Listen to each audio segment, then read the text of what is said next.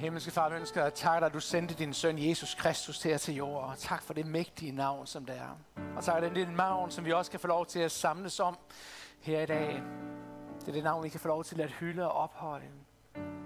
For du, Jesus Kristus, du fortjener al vores tilbedelse. Al vores ære går til dig. Du var lyset, der kom midt ind i mørket. Du gjorde dig selv nærværende. Og Jesus, det takker vi dig for. Amen. Amen. Tak til lovsangsgruppen. Skønt. Det folk, der vandrer i mørket, skal se et stort lys. Lyset skinner på dem, der bor i mørkets land. Sådan indledte Esajas i det gamle testamente, 700 år før Kristus, indledte han en af de smukkeste profetier, der måske næsten er om Jesus, og fortæller om ham, som skulle komme. Han vidste af gode grunde jo ikke. Det var 700 år før. Og alligevel taler han omkring det. Og han fortsætter meget nøjagtigt og siger sådan, for et barn er født os, en søn er os givet. Og herredømmet skal ligge på hans skuldre. Man skal kalde ham underfuld rådgiver, vældig Gud, evighedsfader, fredsfyrste. Og Johannes i det nye testament tager tråden op 700 år senere. Og han havde vandret sammen med denne Kristus, som Esajas havde talt om. Og nu vidnede han om ham. Og han siger det sådan her i Johannes evangeliet, i det første kapitel, at i begyndelsen var ordet, og ordet var hos Gud, og ordet var Gud. Han var i begyndelsen hos Gud. Ja, alt blev til ved ham. Og uden ham blev intet til af det, som er. I ham var liv. Og livet var menneskenes lys. Og lyset skinner i mørket. Og mørket greb det ikke. 700 år før Kristus tales om lyset, der kommer og skinner. Johannes taler omkring lyset, der skinner, og nu her, 2700 år efter, kan de mærke vingesuset? Historiens vingesus. 2700 år efter står jeg her og forkynder om lyset. Og har sat en temarække for vores gudstjeneste her i adventstiden, som hedder Lyset skinner i mørket taget ud fra de her tekster. Og det er første søndag i advent, det tror jeg ikke, I er i tvivl om længere nu her, efter de ting, som allerede er sket. Men vi er i forventning mod juleaften, hvor vi netop skal fejre og mindes det, at lyset kom til verden. At ordet, det som var fra begyndelsen, det kom for at skinne for os og i os. Os, der vandrer i mørkets land. Der midt i den mørke tid, som vi sang der før, der kommer lyset til os og bliver tændt. Og gennem de her fire adventssøndage, der vil vi prøve med udgangspunkt i de her lyset skinner i mørket, prøve at bryde det lidt ned og gøre det lidt mere nærværende for os, og se på nogle tematikker, som måske også har noget at sige til os i dag, og udfordre os i dag omkring lyset. Og i dag er under overskriften, at det minder os om freden. For hvad var et af navnene, som Messias titulerede denne messias, der skulle komme? Fredsfyrsten.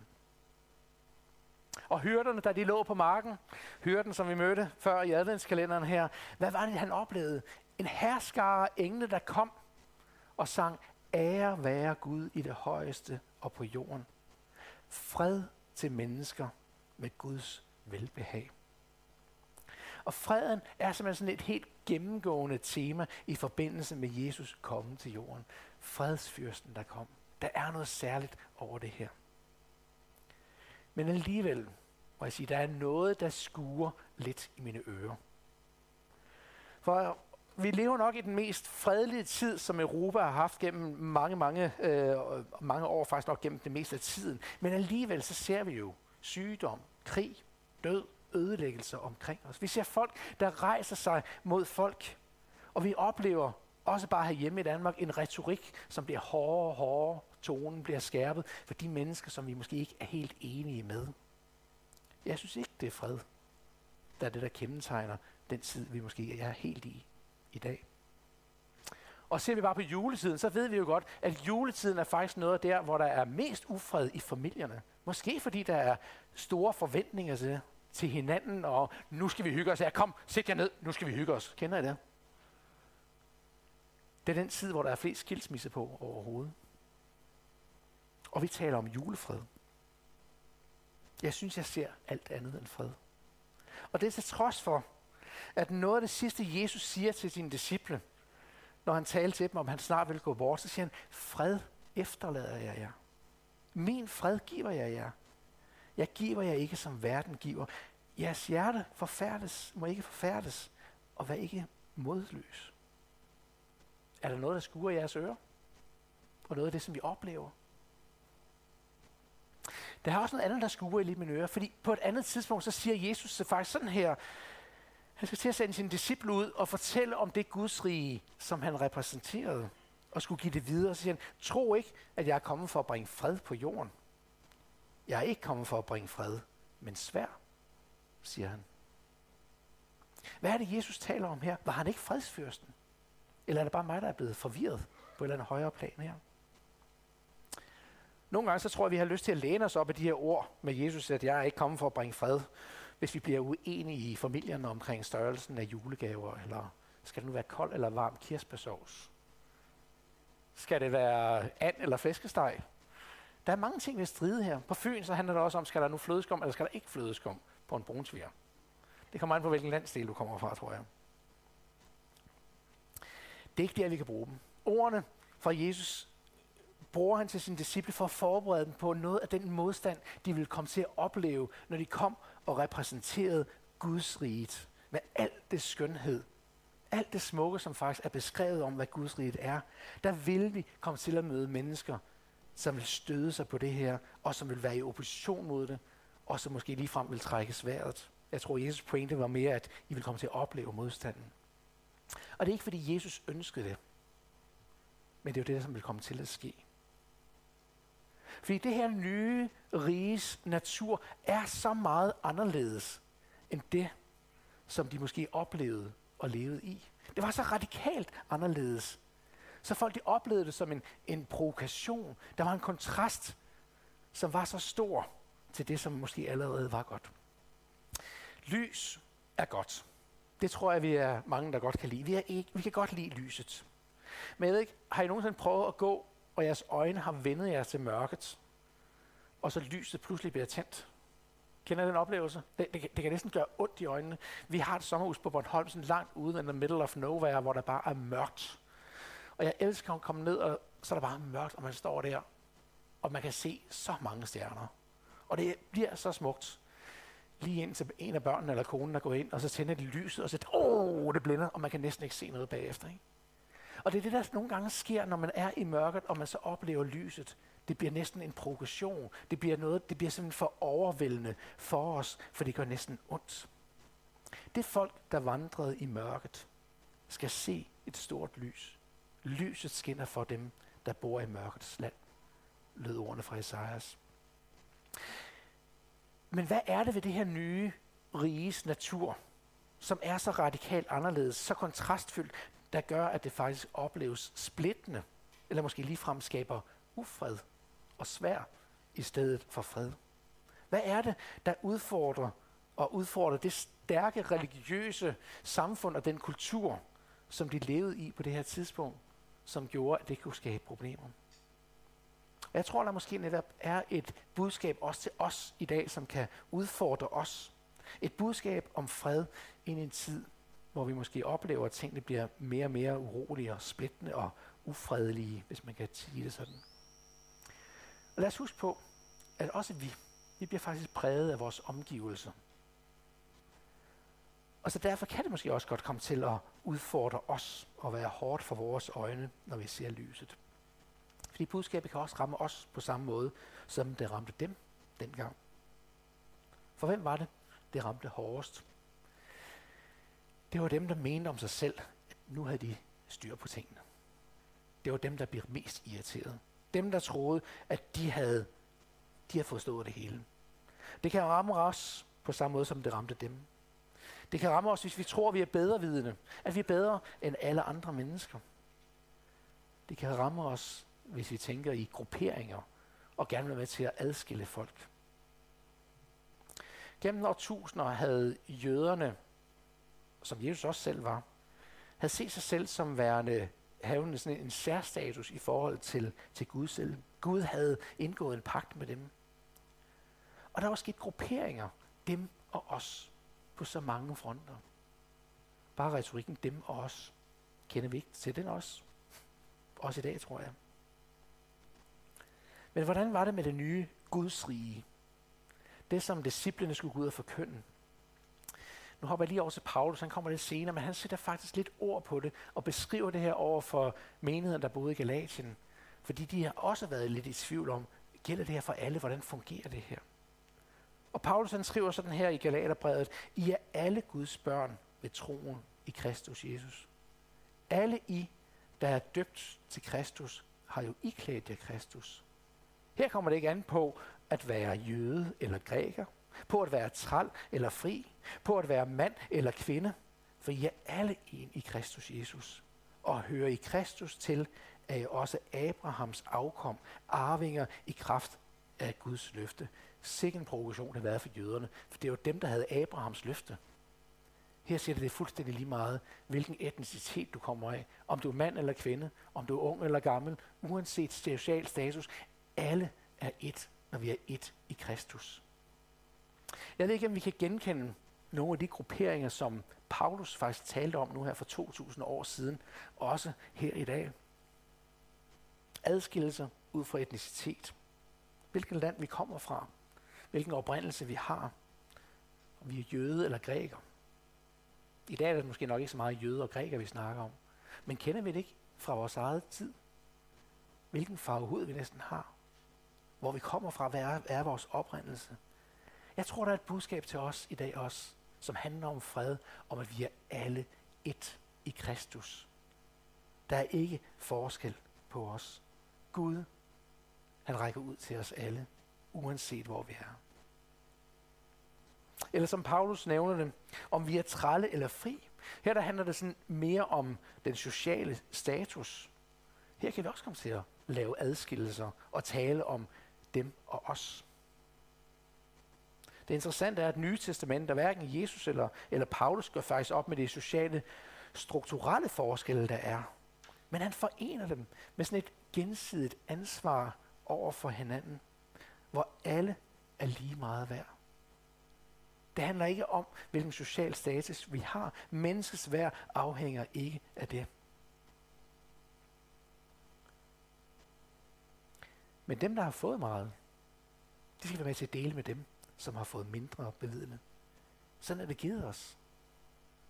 I den første kirke, så kom det blandt andet til udtryk ved, at, at der var nogen, der solgte alt, hvad de havde, og givet det til de fattige. Andre, de delte det, som de havde, og brugte det til ære for Guds rige og til gavn for andre mennesker. Den sociale status på en eller anden måde, den blev ikke fjernet, men man gav af hinanden, fordi alle var lige værd. Vi delte med hinanden og var med til at skabe fred. Der, hvor der før var barriere og ufred, for vi havde dem og os, de blev brudt ned i Jesu navn, fordi vi var et i Kristus. Og hvad med kønnet? Paulus taler også omkring det. Om det kommer ikke an på, om vi er mand eller kvinde. Og nu ved jeg, det kan være sådan en farlig ting at stikke hånden ind i i dag. Hvor langt er vi kommet i Danmark med det her? På nogle måder er vi kommet rigtig langt. Og på andre måder, så halter vi måske stadig bagefter. Der er noget, der stadig kan arbejdes med her. Men igen, Paulus ophæver ikke forskellene på mænd og kvinder, men gør dem ligeværdige. Taler om en gensidig agtelse og en anerkendelse af, hvem vi er. Også der er vi et i Kristus. Der er ikke et dem og et os. Jeg ved godt, der er nogen, der ser Nye Testamenter, og måske særligt Paulus som værende kvindeundertrykkende eller diskriminerende. Men det er faktisk tværtimod. Nye Testamente og Paulus gik faktisk den anden modsatte vej og var banebrydende om at med til at løfte kvinden op i forhold til sin samtid, som det var dengang. Også når det gælder skældet mellem børn, unge og ældre. Vi kan nemt komme til at tale om dem og os. Der er kommet det her ord, som nu pludselig hedder ældrebyrden ind. Det er da besværligt, de ældre, ikke? så det er en byrde. Hvad er det for noget? Det handler om, at vi er ét i Kristus. Der er ikke en forskel mellem heller alder. På den tid, der var kirken gik faktisk også meget imod det, som var i sin samtid. For dengang var det ikke usædvanligt, at man skilte sig af med børn, som man ikke ønskede. Men den første kirke, det ved vi fra kirkelitteratur omkring øh, samme tid, der beskriver det her, de vil ikke være med til det her. De vil ikke bare skille sig af med de børn, som de har fået. De så det som en Guds gave, der var dem givet. Og det er faktisk helt i tråd med de forudsigelser, som profetierne i det gamle testamente også gav om, hvad der ville ske med Guds rige, når det kom til os, når Helligånden kom til os. Og på pinsedagen, der gentager Peter nogle af de profetier, profetier som var begivet lang tid før os. Jeg vil udgyde af min ånd over alle mennesker, sagde Gud. Jeres sønner og døtre, det er, nu er vi nede i de unge, og det er både mænd og kvinder her. Sønner og døtre skal profetere. Jeres unge skal se syne, og jeres gamle skal have drømme. Selv over min tralle og trælkvinder vil jeg udgyde af min ånd i de dage, og de skal profetere. Og så fortsætter den lidt længere ned, og enhver, som påkalder Herrens navn, skal frelses. Der er noget i det her rige, som disciplene var skulle ud og forkynde, og var med til at forkynde, der handlede om, vi er alle lige.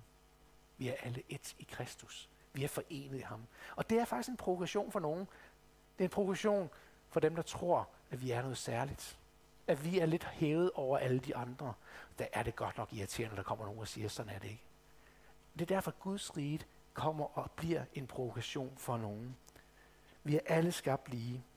Skabt i Guds billede. Tiltænkt som arvinger af ham. Arvinger til hans rige. Og derfor er budskabet om riget for os alle. Lyset skinner i mørket, og det gælder også for os. I Kristus bliver vi forenet. Kristus døde for alle, og budskabet må vi være med til at dele ud af. Så enhver kan tage imod frelsen, som er i ham, og blive arvinger til, til hans rige, for det er der, vi bliver forenet med ham. Og det er faktisk en opgave, jeg tror, vi som kirke og som enkeltpersoner bliver udfordret til os. Også i den tid, hvor vi måske oplever, at tonen bliver skærpet, og vi oplever ufreden, og vi oplever grupperingerne. Der er et fredens budskab. En anden vej, vi skal gå, og være med til at vise en anden vej. Så vi kan godt tale om en julefred, fordi det er her, vi mindes om, at Jesus kom til jorden, og han repræsenterer det lys, som forener os. Han er lyset, der er betændt i mørket. Det er det nye rige, himmeriget, Guds riget, som det bragt os nær lyset er kommet. Og det er det med adventstiden her også kan minde os om, at det er det, der gælder. Og det udfordrer os, og vi bliver forpligtet til os at handle på det. Og for nogen, der kan det måske føles ubehageligt i starten, for det bryder mærket. Alt det, vi måske er vant til, bliver pludselig brudt op. Det, som vi har taget for givet, bliver pludselig brudt op. Fordi lyset, det oplyser, og det udstiller de ting, som måske ikke bør være eller ikke er, som det burde være. Med Jesu fødsel kom rige til jord. Lyset blev tændt. Fredsriget kom til jorden. Og sporadisk kan vi få lov til at opleve det. Men det er og vil nok altid for nogen opleves som en trussel. Så mørket vil reagere på det og kæmpe imod. Derfor taler Jesus om, at det han er kommet, og det vil give svær, det vil give kampe, det vil give uenighed, som en reaktion på fredsriget, der kom. For det ændrer ikke på, at lyset er godt, og det er freden, han kom med. Fred til mennesker, der har Guds velbehag. Lyset og Guds rigets bærer, det er det, du og jeg er. Vi kan være repræsentanter for det. Vi kan være med til at bringe det ind i den verden, som vi er sat i. Vi kan være med til at genspejle hans lys ind der, hvor, i den verden, vi er sat i. Og når vi gør det, så tror jeg, vi kan få lov til at opleve den her indre fred. Den fred, som Jesus taler om, min fred efterlader jeg. Det kan godt være, at der stormer omkring os, men indeni kan vi få lov til at opleve Guds fred sænke sig i os. Også selvom der kan komme modstand. Også selvom der kan være folk, der siger både det ene og det andet. Vi kan få lov til at hvile i, at vi er i ham. Og jeg tror, at budskabet til os i dag, det er, at Kristus forener os. Vi forenes i ham. I ham er der ikke forskel på hverken etnicitet, social status, køn, alder eller noget som helst andet. Vi er alle lige ind for ham. Det er det, som riget står for. Det er freden, der bliver bragt igennem dem. Der er så meget splittelse i samfundet i dag omkring os. Og jeg tror simpelthen, at vi skal være med til at vise, at der er en anden vej. Vi skal være med til at samle. Vi skal være med til at forene. Vi skal være med til at stifte fred. Så må vi også i den her juletid være med til at tænde et lys i mørket. Helt konkret. I vores hverdag. På vores arbejdsplads. I vores skoler. I vores opgang, som vi bor i grundejerforeningen, i sportsklubber, i frimærkklubber, strikkeklubber. Det, lige meget hvor. I vores familier må vi være med til at stifte fred og skabe freden som repræsentanter for Guds rige og bringe det med. Og i hånden på hjertet, så må man bare sige, nemt kan vi blive grebet af stemningen omkring os og løbe med. Og sidde og ligesom påråbe os vores ret og vores holdninger. Jeg tror, der er en anden vej, vi skal gå. Vi skal være med til at bringe freden ud. Være med til at tænde et lys i det mørke, som er omkring os også. Jesus siger det sådan her i, i, øh, i bjergprædiken. Salige er de, som stifter fred, for de skal kaldes Guds børn. Må det være det, der kommer til at kendetegne os. Som kirke, som enkelte personer. Vi bringer lyset, bringer freden ved at forsone og forene mennesker. Og i Kristus er vi alle et. Så det er ham, vi skal være med til at forkynde. Det er ham, vi skal løfte op. Det er ham, vi skal lede mennesker til. For der opstår freden. Lad os bede sammen. Himmelske far, jeg ønsker at takke dig for, at du kun har tanker om fred, ikke om ulykke for denne verden. Og tak, at du sendte din egen søn, Jesus Kristus, for at komme med lyset, for at komme med freden og genoprette det. Og Gud, jeg beder dig om, at du må bruge os som kirker og som enkeltpersoner, det hvor vi kan være med til at afspejle det ind i den, det samfund, i den by, det land, som vi bor i. Som på så mange måder kan være præget af ufred og stridigheder. Gud, lad os at gå en anden vej. Men den anden kendt, når der er behov for det. At gå den ekstra mil, og nogle af alle de billeder, som du bruger i dit eget, øh, i det nye testament, i din egen bibel her. Og vi er med til at give af os selv, for at løfte dit rige frem. Tak, Jesus, at du har gjort dig selv nærværende. Må du minde os om det også denne jul. På en ny måde, her. Lad dit lys oplyse vores indre. Må dit lys komme og rense os. Men må dit lys også lede os af din vej. Det beder vi om i dit eget navn. Amen.